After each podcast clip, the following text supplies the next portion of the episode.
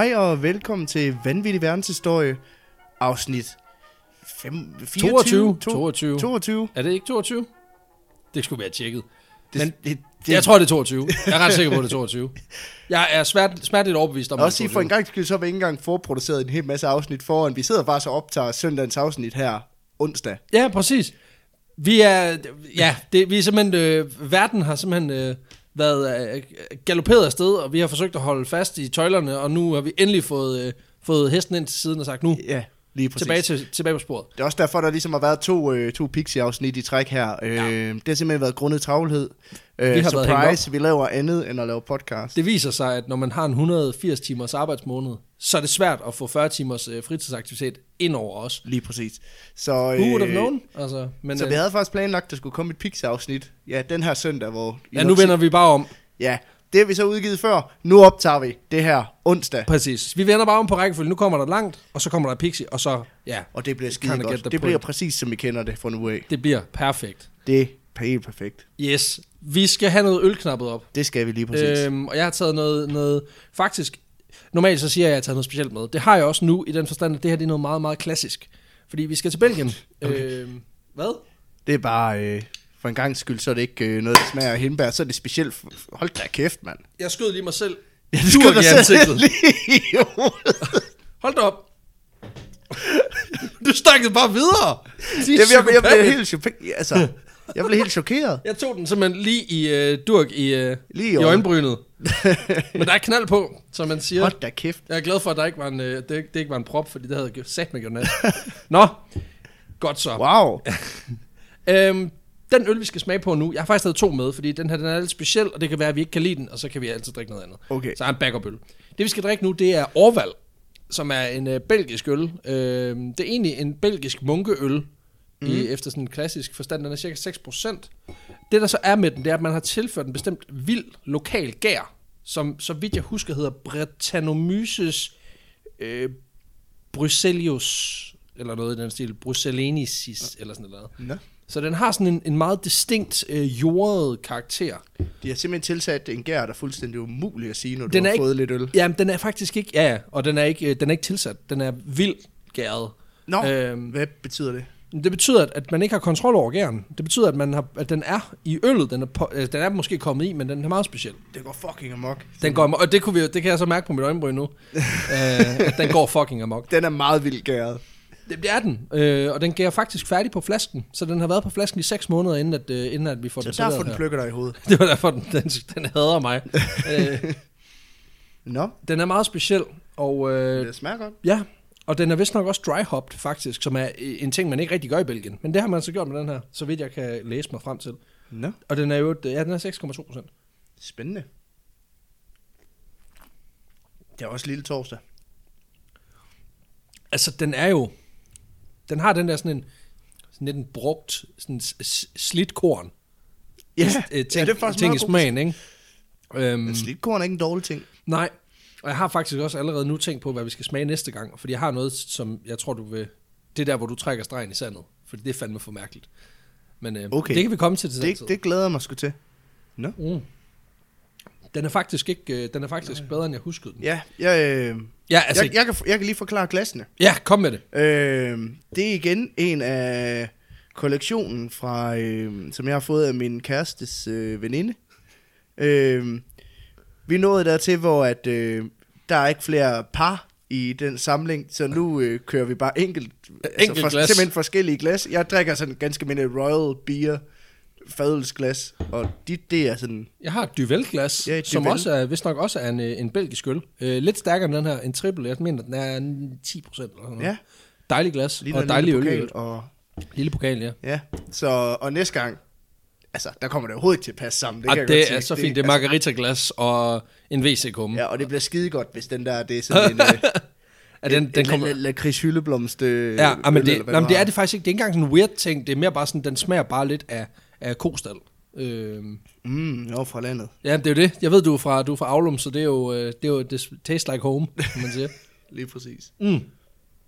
Nu skal vi til dagens historie. Det skal vi. Fordi det er mig, der er historien med. Og øh, vi skal faktisk en smut til Sydamerika. Nå, der har vi ikke været før. Det er ikke rigtigt. Det har vi faktisk. Har vi det? Og, jeg, jeg, det, og grunden til, at jeg kan svare så hårdt, det er fordi, at jeg har været inde og research lidt fordi jeg, øh, i vores eget materiale.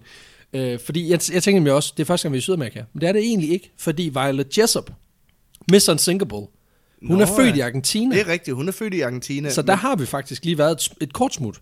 Ja, Øh, ja det er rigtigt. Ja, men i dag, der skal vi tilbage til 1954, hvor Juliane Købke, hun bliver født i Perus hovedstad Lima. Mm. Juliane, hun er datter af biolog, af biolog Hans Wilhelm Købke og ornitolog Maria Købke. Begge de her forældre er enormt respekteret inden for deres, øh, deres felter. Den ene han er biolog, og den anden hun er ornitolog, som jeg lige har sagt. Og øh, de møder faktisk hinanden i deres studietid i Kiel, hvor de begge to øh, studerede. Okay. Så de er egentlig, de er jo tyskere af natur. Ja, for jeg skulle Øh, lige sige, Købke, det er Købke ikke er meget. øh, meget det er ikke særlig peruviansk. Det er ikke, øh, igen, jeg har ikke nogen forudsætninger for at sige, hvad der er særligt peruviansk, men, men købke er nok ikke. Nej, det tror jeg fandme ikke. Nej, det kunne godt være, det var sådan Sydamerikas pendant til, til Sydafrika, hvor du kan have et super white ass name, og så bare, og så være sydafrikaner er stadig, stadigvæk, ikke? Nå, de beslutter sig for øh, at blive gift, efter, da, efter de har mødt hinanden i, på universitetet i Kiel, hvor de begge to har studeret zoologi. Og øh, de vælger simpelthen at tage til Peru for at, stud- at lave feltstudier i den fauna, der er i landet. Deres arbejde er meget respekteret, og øh, de udgiver en lang række af videnskabelige artikler, både øh, øh, selv, men også mm. sammen, som primært omhandler fuglelivet, øh, som var øh, mor Marias øh, fagområde. Og det sjove er faktisk, at hun er, øh, hun er faktisk at betragte som pioner inden for ornitologien, især i, øh, i Sydamerika, fordi, surprise, surprise, øh, ornitologifeltet i, øh, i 50'erne øh, var totalt oversvømmet med mænd. Nå, Ja, fordi Nå, sådan er det jo, fanden. øh, åbenbart. det har vi snakket meget om. Det har vi snakket meget om, og det er stadigvæk en ting. Så hun går skulle lige ind og rapper kvinderne her, og viser, at kvinder jo for helvede er lige så gode akademisk, som, øh, som mænd er. Ikke? Og øh, parret får faktisk opkaldt en særlig art af fireben efter sig. Øh, What? ja, og det er lidt Der- mærkeligt, det er fireben, Jeg og skal ikke en også lige sige, der, der, der, der er noget underligt ved, at øh, du er ornitolog, så får du lige opkaldt en... Øh, Et fireben efter sig. Det kan være, at de kender en god ven af familien, som så er krypte, som er reptilolog eller et eller andet. Det ved jeg ikke. Øh, de får opkaldt øh, Microlophus cupcerium efter sig. okay. Og øh, det er sgu ret vildt, tænker jeg, det der med at få opkaldt et dyr efter sig. Men igen, den her art, det er sådan, en, det er sådan bare sådan en grå røvsygt øh, fireben. Men det er tanken, der tæller, tænker jeg. Så det er bare for lige at Det kunne understrege være fedt at få et sejt... et sejt dyr, altså en, ja, eller en pelikan, eller et eller andet. Den, altså som mm. en speciel art pelikan, ikke bare pelikanen. den skal hedde købkanu. Nej. Men øh, De er alle sammen købt nu. de er alle sammen købkanu, ligesom, ligesom for en hornslet. Ja, Jeg har købt retten til, til en art. jeg har Det købt fedt. pelikan. Jeg Købt købt- pelikanarten. Jeg har patent på pelikaner. Julians forældre, de er ret badass, og det betyder også, at Juliane, hun vokser ligesom op omkring de her forældre, som fra tid til anden øh, tager på nogle ret solide trekkingture ind i junglen for at lave de her feltstudier. I 1968, der beslutter forældrene sig så for, at de vil forlade Lima for en tid, mm. simpelthen for at opbygge en feltstudiestation inde i den peruvianske jungle. Hold da. Og helt naturligt, så bliver Juliane bare taget ud af skolen, fordi hun skal med. Ja, ja. Og, og igen, meget interessant, når man tænker på, at de er uddannet fra et tysk universitet, og de kommer fra Tyskland, som har en ret stærk undervisningstradition, Ja, at de så alligevel vælger at sige, det er ikke særlig vigtigt. Altså, Ude i junglen med dig. præcis, ud og lev i naturen. Det er fint. Prøv, Øh, prøv at høre. Du, øh, du er ikke Einstein. Prøv, prøv Du du, bare... Mowgli, du er Mowgli nu. Havde han nogen uddannelse? Han blev ven med en bjørn. Man kan godt Han lærte klare, at spise myre. Hvad, hvad er der? man kan godt klare alt muligt. Alligevel. Hvad med Tarzan? Han havde ikke nogen uddannelse. Han, han fik sig en pæn kæreste. Ja, han klarer sig, han klarer sig så godt. Øh, parret... Øh, jeg skal lige om på. Hvad med Robinson Crusoe? Eller, øh, eller Tom Hanks i Castaway. ja, Han klarer sig også rigtig godt. han kom hjem igen. verdens bedste skuespiller, 36 Oscars. Så øh, alt er godt. Parret, de, øh, de øh, flytter simpelthen ind i, øh, i en skov. De finder et sted i skoven, der er 10 kvadratkilometer, hvor de så opsætter den her research-station. Med det primære formål at undersøge biodiversiteten i, øh, i både flora og fauna i det her område. Ind i den øh, peruvian- peruvianske udgave, eller del af Amazonas. Oprindeligt så var det planen, at stationen egentlig kun skulle være aktiv i fem år, men den er faktisk stadig aktiv i dag, hvor både biologer og andre typer forskere fra hele verden, de kommer der til for simpelthen at at, at finde nye arter, som hold de stadig kæft. gør, i samme område, og planter øh, i øvrigt også i alle former for kategorier. Bare lige det, for det er jo egentlig en dejlig relevant historie, når, vi, når øh, øh, når Amazonas rent faktisk brænder. Ja, det er det. Amazonas brænder jo lige nu, så Og, og nu kommer vigtigheden af, hvorfor fanden det er, vi skal gøre noget ved det. Fordi, for lige at sætte lidt tal på, så er der et, et lille område på en femtedel af de her, mm. altså to kvadratkilometer ud af de 10, hvor den her øh, Panguana øh, st- station den er. Der har man øh, siden øh, de, de flytter der i 68, der har man identificeret over 500 arter af træer, over, og over 670 forskellige dyrearter. Altså ikke nye arter, men, men bare arter. ja, Og så har man så ud over det også fundet en masse nye øh, typer dyr, øh, art, arter dyr og planter, som man ikke har fundet andre steder. det har jeg altid tænkt, det må være så vildt op, altså øh, ikke bare opdage en ny sådan dyre, altså, hvad hedder sådan noget, ikke bare opdage en ny myre, men opdage myren. Ja, ja, Altså, ja. ja. Du ved sådan, sådan jeg har aldrig set før. ja. Ej, det må være for Hvad, vildt. altså, hvad fuck er det? Hvad kan du? Kan du? Nu du spyr ild. Okay, cool nok. Du flyver, hvad, hvad er det for noget her? Men det er også bare for at sige, altså biodiversiteten i det her område er enorm. Og, og det er jo noget, som, som vi mister hele tiden, i takt med, at øh, vi brænder, øh, vi brænder brænd, øh, regnskov ned for at lave noget soja, for at producere noget, noget kød, mm. for at spise det. Så det, det skal man lige have en mente. Jeg siger ikke, at man ikke må spise kød, jeg elsker selv kød, men, men det er bare lige for at sige. Men lad det være med at sætte ild til regnskoven. Lige præcis. Prøv lige at lade være med det egentlig. Øh, Hashtag I- save the forest. I alt, der kommer der 180 øh, akademiske publikationer ud, øh, som er baseret på designs, der er lavet på, det her, øh, på den her research station.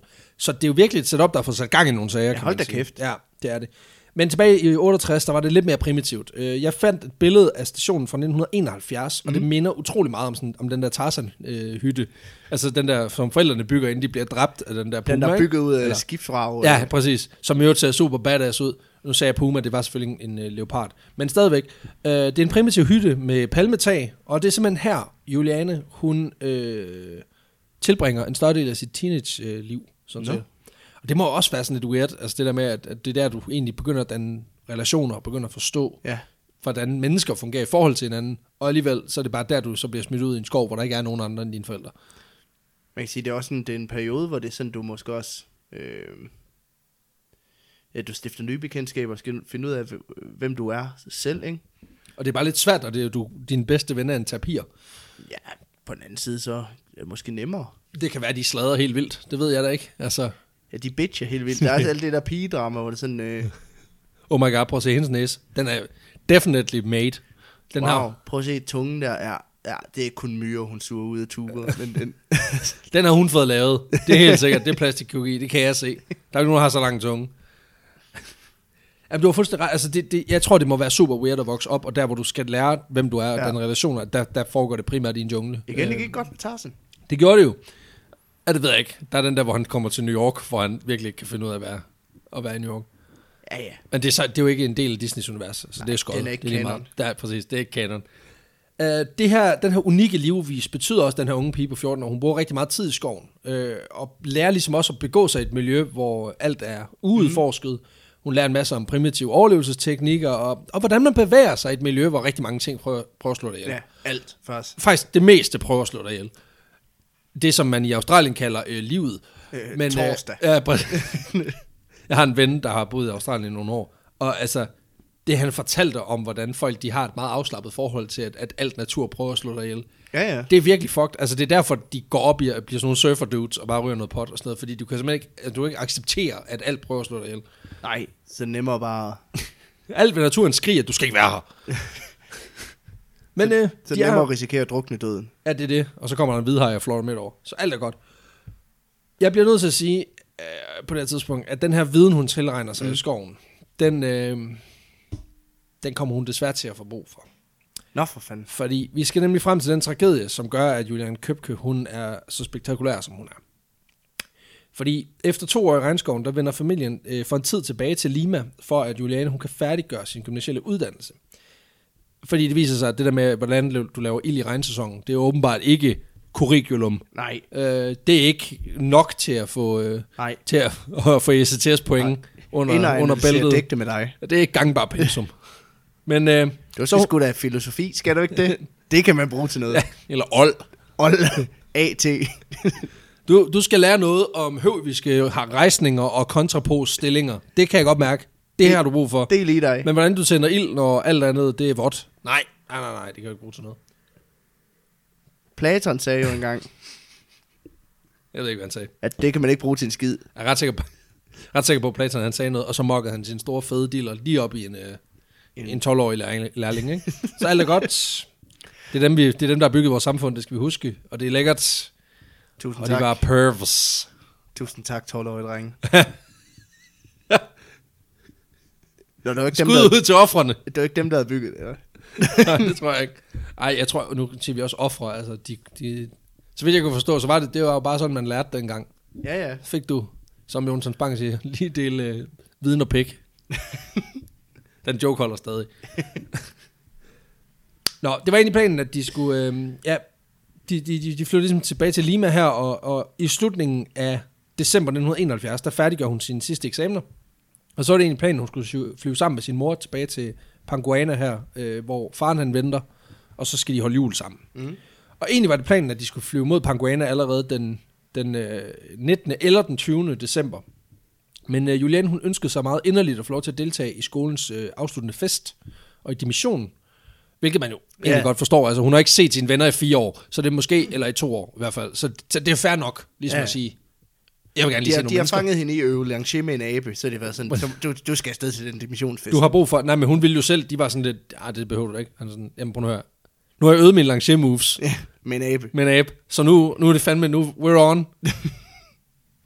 så øh, hendes mor går modvilligt med til, at øh, de venter med at flyve til, øh, til juleaftensdag.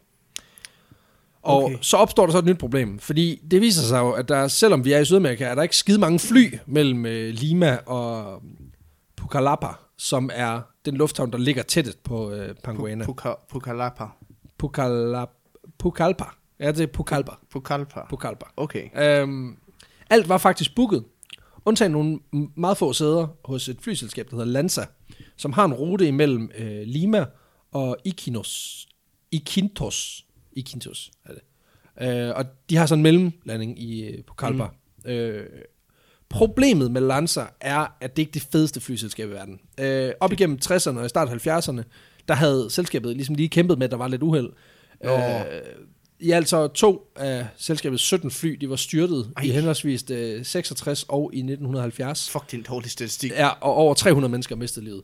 Ej, okay, det er jo en blanding af Ryanair og Malaysian Ja, Airlines. det er så skødt. Det er, det er virkelig ikke godt. Øhm, For, jeg forestiller dig at forsvinde ud i havet, men du har ikke haft nogen øh, s- altså knæplast for at du har siddet af helvedes til, og du dør. Det er forfærdeligt. Der må ikke være noget værre end at styre i havet, og så tænke, "Hvi- hvis jeg bare havde været komfortabel imens. Altså, Havde det bare været noget andet end Ryanair. øhm, det er mildt lort for det her firma. Og faktisk så er det kun én rute tilbage. Og øh, det her fly, de flyver med, er det sidste fly, selskabet har. ej, Jo, de var nødt til at sælge alle de andre for, for ligesom at betale for, for sagsomkostninger og så videre, så det var, det var the last one. I hvert fald ifølge, i hvert fald ifølge de kilder, jeg har kunne finde. ja, Øhm, der har været lidt kontrainformation forskellige steder, men de fleste kilder sagde nemlig, at, at det var det sidste fly. okay. Den her ret triste track record, den havde faren, øh, Hans Wilhelm, også læst. Så han havde advaret øh, Maria og Juliane om, at øh, de skulle ikke flyve med det selskab.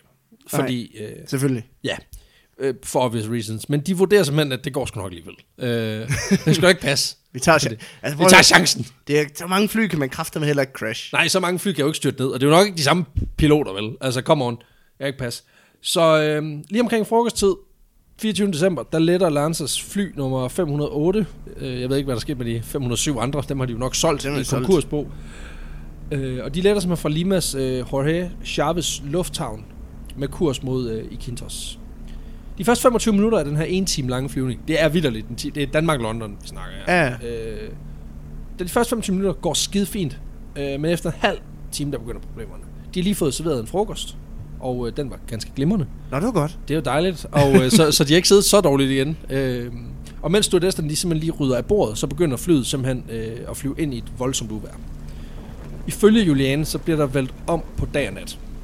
Hvor der før var blå himmel, var der nu kul sort. Øh, lyn flyver i alle retninger, og Mm. turbulensen gør, at alt det, der er løsøre i kabinen, alt det, der ikke er boltet fast, det bliver simpelthen kastet rundt. Så folk, de går, de går for alvor i panik.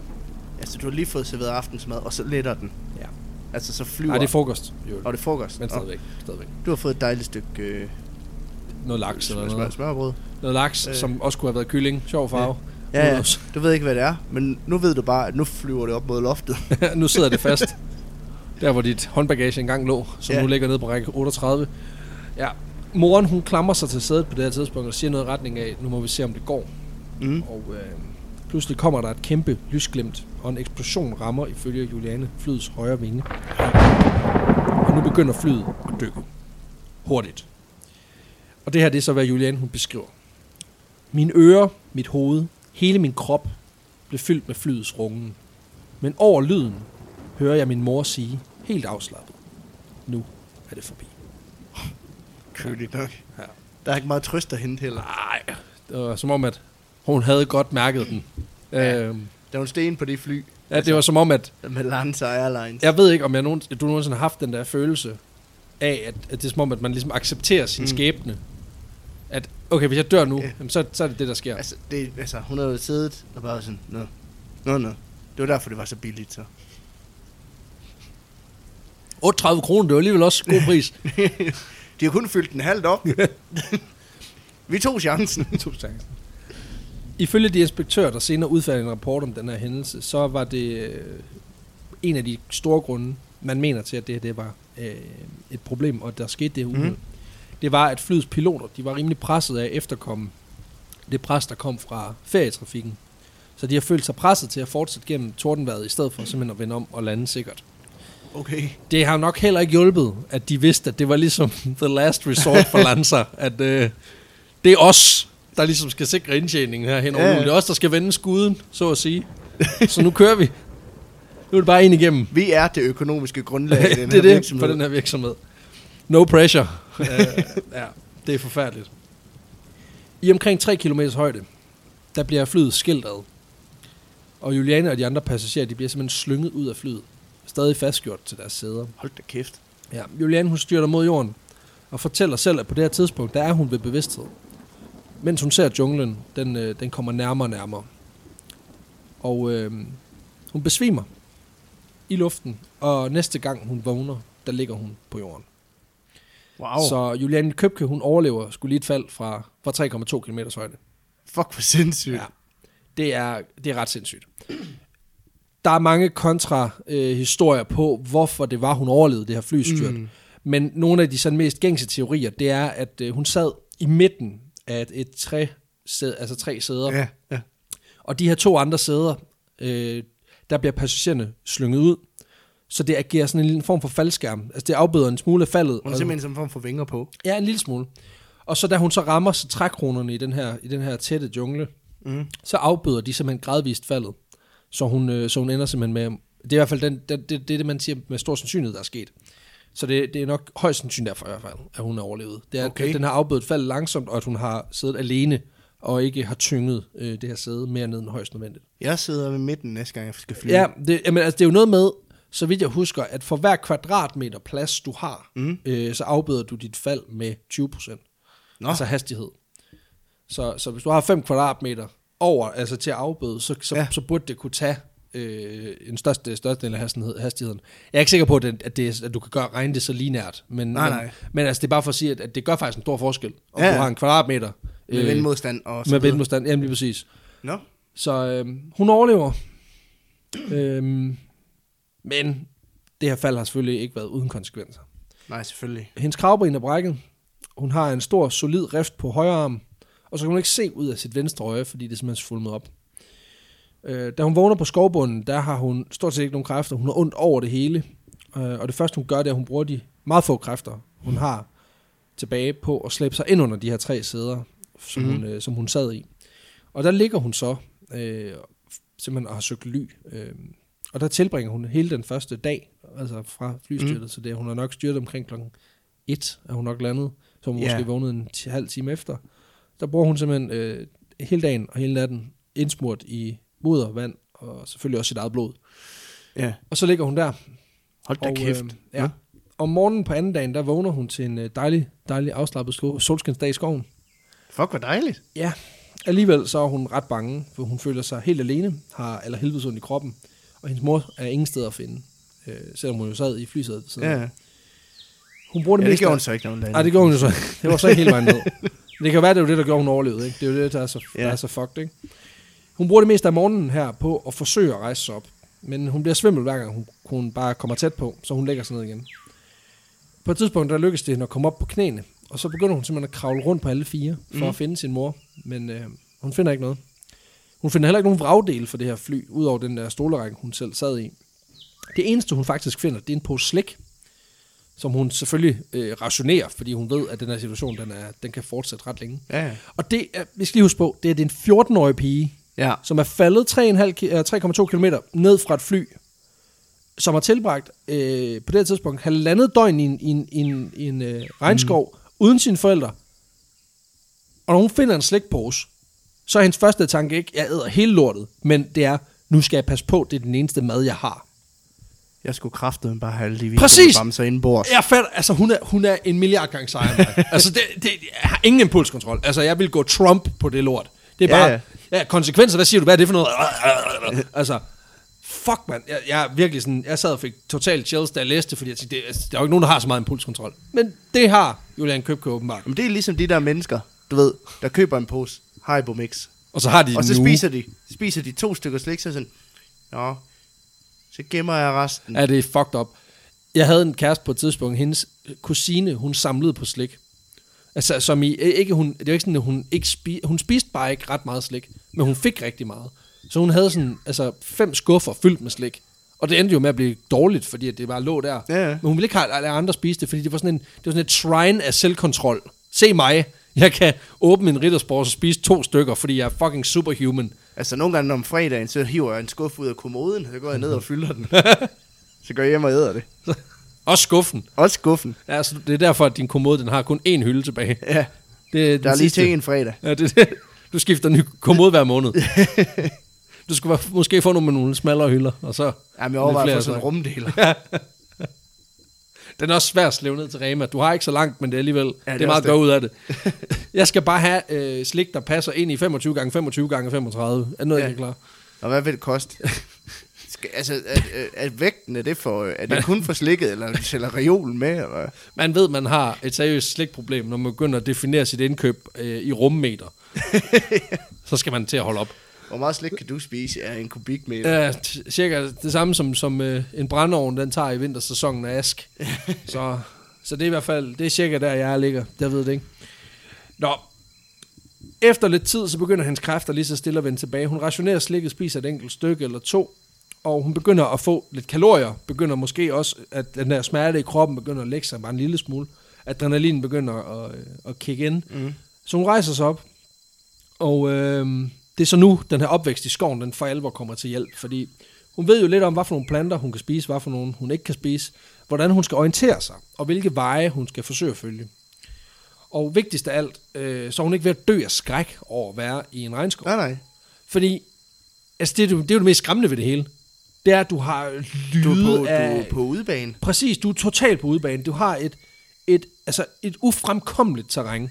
Du har øh, ting, der... bet- Altså, du ved, hvis du far vild, så er du formentlig færdig. Og der er ubehag, fordi skoven er dyb, den er mørk, den er uforudsigelig, og den er fyldt med en masse fucked up dyr, der prøver at slå dig ihjel. Og hun tager det bare fucking chill. Altså, Det eneste, hun tænker, det er, at den der blomster, den kan spises. Præcis.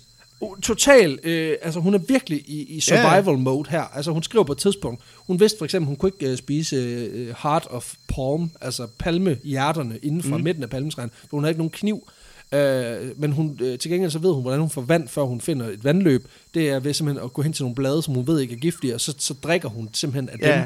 dem. Øh, og altså, så spiser hun nogle bestemte frugter, som hun ved, hun godt kan spise, og, og ved, at hun skal holde sig fra alt andet, selvom at det ser lækkert ud, så Ja. kan det formentlig slå hende ihjel. Så hun er totalt kalkuleret i det her. Og er virkelig i det her game øh, mentalt.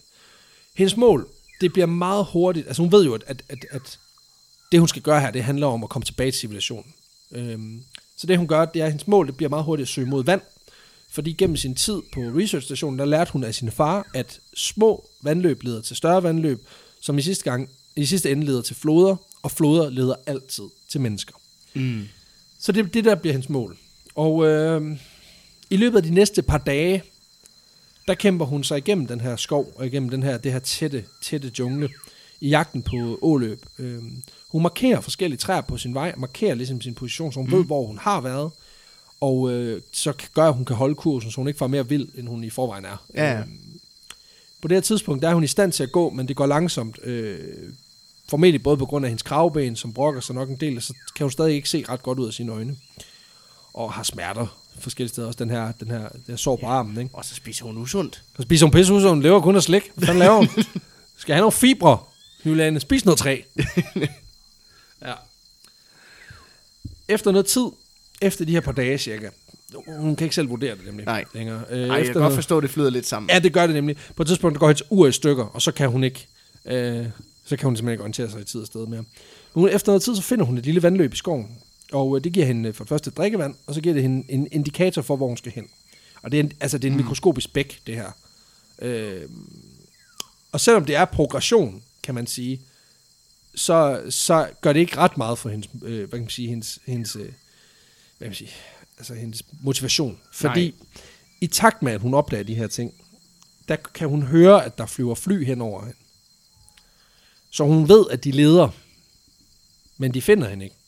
Åh, Ja. Hun bliver ikke spottet, fordi at, at træerne simpelthen man er for tæt. se. Nej. nej, selvfølgelig. Og det er også bare, altså det er det vildeste blue balls i verden. Fordi du, det må være så vildt, at du ved bare, at de er der, og du kan bare ikke gøre noget. Altså, Nej, det, er det er noget med en spejlstump, og så kravler op i et træ, men hvad nu, hvis du falder, så brækker du ryggen, så er du død, ikke? Altså, Ja. Så hun har jo nok også bare lavet en vurdering, der hed, jeg kan ikke gøre andet end at gøre det her. Så øh, det jeg gør hun. slet til seks dage nu. Ja, det, er lige ikke, præcis. øh, Hun, den tæller baglæns.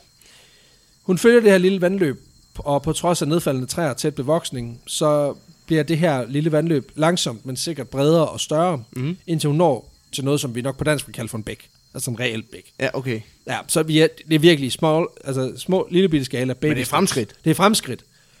Øh, da hun når til den her bæk, der begynder mørket at sænke sig over skoven, og hun gør endnu en gang hold for natten. Og det er så her, hun, så vidt jeg kan læse i den, øh, den artikel, som en af de artikler, som jeg er baseret på, så det er her, hun spiser det sidste af den her slægpose. Åh, oh, oh. Ja, og hun har holdt sig kørende i tre dage på, på den her pose, og en lille smule vand, ikke? Den 28. december, der går hendes ur, som jeg nævnte tidligere, i stykker, og hun får endnu sværere ved at skille dagen ad. Hvorfor det går i stykker af, at, at altså, det, altså, Det, hun går, siger, det, det går holde til at falde ud af et fly. Præcis, hun siger, at det går ud. Hvor det, sådan, lidt, jamen det, det gør et ur jo ikke bare. Og hun har højst sandsynligt også haft det, da hun boede i regnskoven. Så hvorfor er det, altså, altså at hun har fået et skagensur i dimensionsgave, og det kan bare ikke klare, Hun har, øh, du ved, en høj luftfugtighed. hun har glemt at, at skifte batteri, og så løb det lige præcis ud. Lige der. har mest brug for det. Når du kigger på det og ser, at Mickey Mouses højre arm, den ikke bevæger sig længere, bare sådan, Oh God, you're fucking with me right now, man! Hun, øh, hun ringede til sin far, har du husket at købe et nyt batteri til uret? Så sagde han, ja, ja, ja. Det ligger Og herhjemme. Så sagde hun, okay, så lagde hun på, så steg hun på flyet. Ja. hun, øh, hun fik at vide, det ligger derhjemme. Du, du kan få det. Vi, vi skifter det som det første, når du kommer. Ja, Jamen, skal- det er godt, fordi det går snart ud. Ja, det er det. Øh, nu kommer der lige en lyd af mig, der popper en anden øl, som jeg forsøger ikke at få i ansigtet. Han, han peger den meget væk fra ansigtet. Ja. Og det her, det er, øh, det er min, en af mine absolutte yndlingsøl. Okay. Det er Boone. Boone? Et øh, ja, belgisk øh, lambic-bryggeri. Det ligner øh, næsten rødvin. Ja, det er en, øh, det er Boone, en krig, altså en kirsebøl. Nå. Og det er, altså igen, vi har snakket om, at jeg er en frugtpige. Det her, Ja, du det er lidt en frugttøs. det her, det er, det er det lækreste. Det er det ultimativt lækreste frugt, Nå. øl, og jeg er tosset med det. Som en elsker, der taler til mm. sit... Øh, Den er god. ja, det er fed, den er fed, den smager af kirsebær. Den er lidt sur, ikke for sød. En god det blanding bare- af alle regnskovens frugter. Ja, det er det. Også dem, der slår dig ihjel. Ja, desværre. Nå, hun fortsætter sin tur langs den her bæk, som bliver større og større. Hun drikker en masse vand, både for at holde sig øh, hydreret, men også fordi, at hun simpelthen ikke tør spise noget af det her, øh, som hun ikke kender. Hun ved, at der er mange ting, der er giftige, og hun spiser kun det, hun kender, men fordi december ligger midt i regnsæsonen, Mm. så er der nærmest ikke noget frugt på træerne, og, og, så der er jo ikke rigtig noget mad, der er en mulighed for hende. Og hun har jo, som, som hun selv siger, Ja. hun har ikke nogen værktøjer til selv at, at, ligesom at gøre noget. Hun kan ikke grave rødder op, hun kan ikke øh, hugge palmetræer ned, hun kan ikke gøre en skid. Så hun må bare øh, fylde maven med vand, og immer gerate aus. I løbet af de næste par dage, der vandrer hun igen langs den her bæk, slags det her åløb. Mm. Øhm, og der finder hun blandt andet også nogle andre øh, vragrester fra fra flyet. Okay. Hun finder blandt andet en helt sæderække med døde passagerer i. Og, Åh, øh, ja. nå. og, og de, de her passagerer, de er simpelthen ramt, øh, de er simpelthen ramt jorden head first. Ja. Hold da Så, kæft. ja, så det, det er serious shit. Hendes krop, den har langsomt vendt sig til at gå, så på en måde kan man sige, at det går fremad. Men Ja. ja. der er lige en lille ting, som ikke kører skide godt for hende. En tur. Nej, det er ikke uret. Øhm, under den her hårde øh, landing, der fik hun, som jeg nævnte tidligere, en, en rift i den, en flænge i den ene arm. Nå, ja. Ja. Efter de første par dage, der går der simpelthen fluer i såret. Øhm, Åh. og da hun så kigger efter, der kan hun se, at hullet er blevet fyldt med mad. Ja. Ej, nu tog jeg lige en sluk øl, det skulle Ja. jeg ikke have gjort. Det Nej. ikke... Øh... Det er ikke det fedeste. Øhm, Ej. Ja, hun har mad i armen. Det er fucked up. Men hun fortsætter. Hun er 14. Ja, ja. Jeg fatter ikke det her. Hun fortsætter. Omkring den 29. slash 30. december, tiden er relativ på det tidspunkt, der hører hun en lyd, der gør, at hun finder noget ekstra energi. Fordi det, hun hører, det er lyden af en huatzin. En huatzin. Ja. Nå, jeg Lyden- troede, det var hendes mor, der kaldte på hende. Eller sådan Ej, noget, men, det, en det, hu- det, det er lyden af en huatzin. En lille fugl, som hun genkender fra sin tid i Panguana. Det er lyden af junglens dummeste fugl. Fedt. Huatzinen er en fugl, der er kendt for, for det første at være vanvittigt dårlig til at flyve. At Den er kendt for, at ungerne de har klør ude på selve vingerne, som de bruger til at kravle med, fordi de ikke kan flyve. Og så er deres værn mod naturlige fjender, det er, at de stinker og smager så frygteligt, at øh, skovens større rovdyr, de simpelthen nægter at spise dem. og så vidt jeg også husker, det her det er noget, jeg ligesom har læst op, men jeg kan huske, at jeg engang har fået at vide noget med, at når de skal parre sig, så gør de det, at de spiser noget, som gør, at de falder ned på bunden af, altså de får det dårligt, Nå. falder ned på bunden af junglen, og så kan de, så han, han ligger dernede og har det dårligt, så kommer hunden, uh, du ser ud til, at du har det dårligt, skal vi knip? Og så er det den måde, de, de formerer sig på. Nå, Så det er super. Så- Øhm, den minder mig om dig på en eller anden fucked up måde. ja. Nej, undskyld. Ja, ja. Men det er simpelthen junglens, junglens dummeste fugl. Det der... Altså, og det blev hun glad for, at hun møder en fugl, der, ikke, altså, der er dum. Ja, der er idiot. Fordi der er ikke nogen af de her ting, der er vigtige for øh, Juliane. Det, der er vigtigt for hende, det er, at hun ved, at huatziner, de naturligt bygger rede lige op af meget større vandløb, end det hun står ved. Nå. Præcis. Det var det, hun ledte efter. Hun finder noget fornyet energi, og snart så står hun på bredden af en større flod. Og hun ved nu, at det her det er bare et spørgsmål om tid, før hun finder mennesker. Fordi ja. Den her flod er stor nok til, der er 100% sikkert er mennesker i nærheden. Ja, og mennesker bosætter sig altid ved, Ved vandet. ved vandet. Det gør vi. Så kan man flytte ting. Transport, ikke? Transport. Hun beslutter sig for, at det hun gør, det er, at hun svømmer langs med floden, fordi at bevoksningen langs floden simpelthen er så tæt, at hun er umuligt kan gå der. I tre dage, der svømmer hun om dagen og sover på bredden om natten. Solens varme giver hende anden grads forbrændinger på ryggen, når hun svømmer. Og, øh, Det er også værd, når man er i vand. Ja, og, og, og hun svømmer på trods af, at hun ved, at vandet er fyldt med relativt farlige ting, som igen kunne finde på at slå hende ihjel. Men Juliane, hun er ikke bange, fordi hun ved for eksempel, at krokodiller, de angriber meget sjældent mennesker. Mm. Så selvom hun ser krokodiller, og der er en enkelt gang, at der er en krokodil, der faktisk sætter efter hende ud, Ja. så ved hun også godt, jamen det kommer ikke til at ske. Hun ved, at piratfiskene, der befinder sig i, øh, i, det, her, i det her vand, de jagter primært på øh, der, hvor, altså, der hvor, vand, hvor, hvor, hvor vandet ikke er så dybt. Ja. Så så længe hun holder sig ude i midten og klamrer sig til for eksempel noget drivtømmer eller noget, så gør, så gør de helt ikke noget. Og at de angriber primært, når de er i, øh, hvad kan man sige, i lukket vand, og ikke i vand, hvor der er strøm i. Okay. Nå. Ja. Og så er der djævlerokkerne, de er der selvfølgelig også. Altså Ja, de her, er de her fladfisk, som har et, øh, en, et, et 9-12 cm langt spyd som hale. Øh, Det var det, der stod livet af Steve Irving i sin ja. tid. Øh, Dem ved hun også godt, at øh, selvom de ikke kunne stikke hende ihjel, så befinder de sig primært tæt på bredden. Så hun skal bare lige huske, du ved, lige at, at watch out, når hun lige går der. Øh, Ja, efter at have svømmet i 8 timer og har angrebsforbrændinger på ryggen og bløder kraftigt, øh, har madikker i den ene arm, er 14 år gammel og har i øvrigt været i, i, en, øh, i en jungle i syv dage og levet primært af en pose. Skal bare lige holde øje. Præcis. Hun skal være alert, og det er hun. Hun er oppe på duberen. Hun er fucking op på dupperne, mand. På 10. dagen,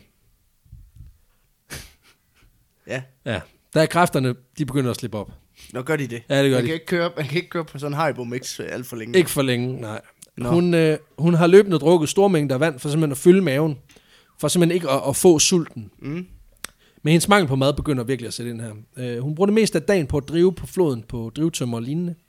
Og så, altså, hun følger ligesom bare strømmen. Fordi der er ikke, der er ikke ligesom en eller anden naturlig, hun har ikke tænkt, at jeg skal svømme mod strømmen. Hun har ligesom bare tænkt, vi driver bare med, ikke? Ja, ja. Og sen på eftermiddagen, der finder hun en grusbanke, som hun beslutter sig for at overnatte på. Hun kommer op på den og falder i søvn, men vågner efter kort tid, og da hun, lige da hun vågner, der opdager hun noget på den modsatte bred. Nå. En båd. Åh. Oh. Ja.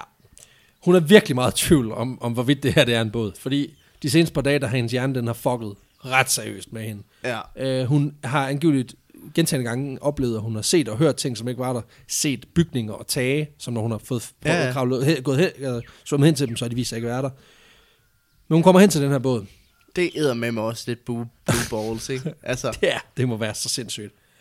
Hun kommer hen til båden, og kan ligesom mærke, at den er der. Så hun bliver meget ekstatisk. Øhm, og bag den her båd, der ligger der en nedtrampet sti, som følger op til en hytte. Eller sådan et shelteragtigt. Mm. Hun går derop, og det tager hende cirka et par timer. Der er omkring 100 meter derop. hold da kæft. Hun er simpelthen så svag, at, at det tager hende et par timer at komme derop. Men den er selvfølgelig tom, øh, for det skal jo ikke være nemt. Nej. Så. Men i hytten, der finder hun blandt andet bådens motor og en liter benzin. Og nu går hun Rambo på den. Fordi Nu springer lortet i luften. de der madikker i armen, Åh. Oh. ja, Ja. det var jo sådan, at øh, hun, øh, hun var bange for at miste sin arm på grund af de her parasitter, der mm. har sat sig i såret. Så det hun gør, det er, at øh, hun bruger sin viden igen, fordi hun kan huske, at hendes far engang hældte øh, benzin ud over, eller øh, i hvert fald en eller anden form for, en eller anden form for benzin, brændvæske, brændende væske. Øh, jeg tror, det var kerosene, som jeg ikke lige kan oversætte til dansk. Men det har hun, det har hun set sin far hælde ud over en lignende infektion, deres hund fik. Nå. Så det oversætter hun jo bare til at sige, det, det må også virke for mig. Hvis det er godt nok til, Hvis det er godt nok til Huni, så er det hvis godt det nok til... godt nok til Pito, så er det godt nok til mig. Så øh, hun tager simpelthen benzinen og hælder ud over den her, det her madike infestede sår på armen. Og øh, det gør aller helvedes ondt. Ja, det kan jeg fandme godt Men det er ikke kun smerten ved selve kontakten mellem det brændende væske og hendes hud, øh, eller sår. Det er også, at nogle af madikerne, de forsøger at komme længere ind i såret. Åh. Oh. Ja, som en rot, der gerne vil ud. Hun ender med simpelthen at plukke 30 madikker ud af sin egen arm. Oh. Ja. Og da hun er Jeg færdig, troede, vi skulle hygge os i det. da hun plukker nummer 30 ud, så beslutter hun sig for at kalde det for en dag. Og gør hun det? Ja, Nå, det var, det var ligesom det. Så, Ja. Nu har, jeg, nu har jeg, sådan Juliane, nu har du også gjort, hvad du skulle for i så tager dag. vi resten i morgen. Ja, præcis. Åh, Ja, ja, ej, jeg have øl og alt muligt. Det skal, altså, det skal være så hyggeligt. Du har mistet alt appetit. Hun, er, hun overnatter i hytten. Og dagen efter... det var, altså, Ja, det er ikke sådan, bare læse sig ned på grusbanken. Om eftermiddagen, dagen efter, der hører hun stemmer. Igen. Tvivl om, kommer de ind fra mit eget hoved? Det gør de ikke. Hun bliver fundet af tre peruvianske skovhuggere, og de er sgu rimelig meget chok over det, de ser. ja, det kan jeg sgu godt forstå. Angiveligt så synes de selv, altså, så, så er de overbevist om, at det er en lokal, øh, altså det, det er et genfærd. En lokal legende om et, øh, et, et væsen, der er halvt delfin og halvt menneske. Og der kæft, hun har været i det vand længe, var. Præcis. Øh, men hun vælger at introducere sig selv på spansk, Mm. at hun er øh, den her pige fra et flystyrt med Lanza Airlines, og de hjælper hende. Øh, De tager sig af hende og hjælper hende med hendes mange skader. Hvad jeg kunne finde ud af, så der stod et eller andet sted, de plukker 50 madikker ud af hendes arm. Jeg Åh. ved ikke, om man skal lægge dem sammen, eller om det bare Ja, er... om det er nye, Ja, om det er nye, eller det kun var 20.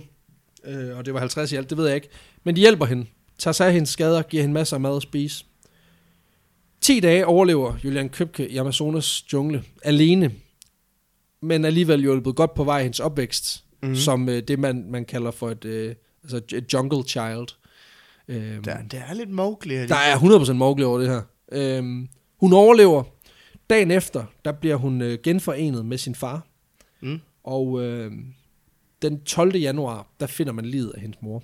Øh, hun havde faktisk overlevet styrtet, men, øh, men var blevet så medtaget af, af de skader, Ja. hun fik, at hun simpelthen overlevede nogle dage, og så mistede hun livet. Nå, Ja.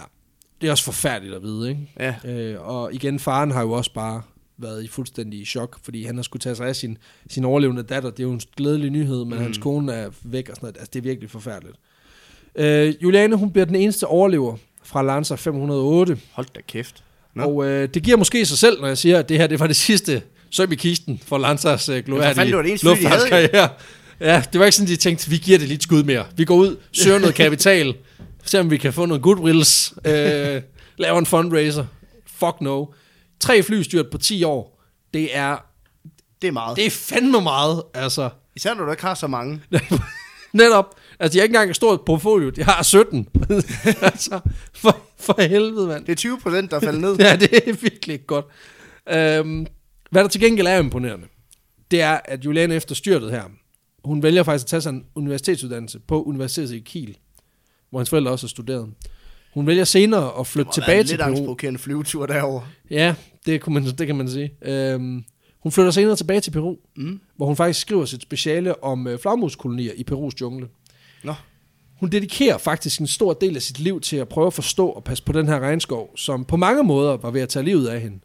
Øhm, og, og, og hun beskriver faktisk også, at, at den her jungle var jo det eneste, der var trygt for hende i hele det her.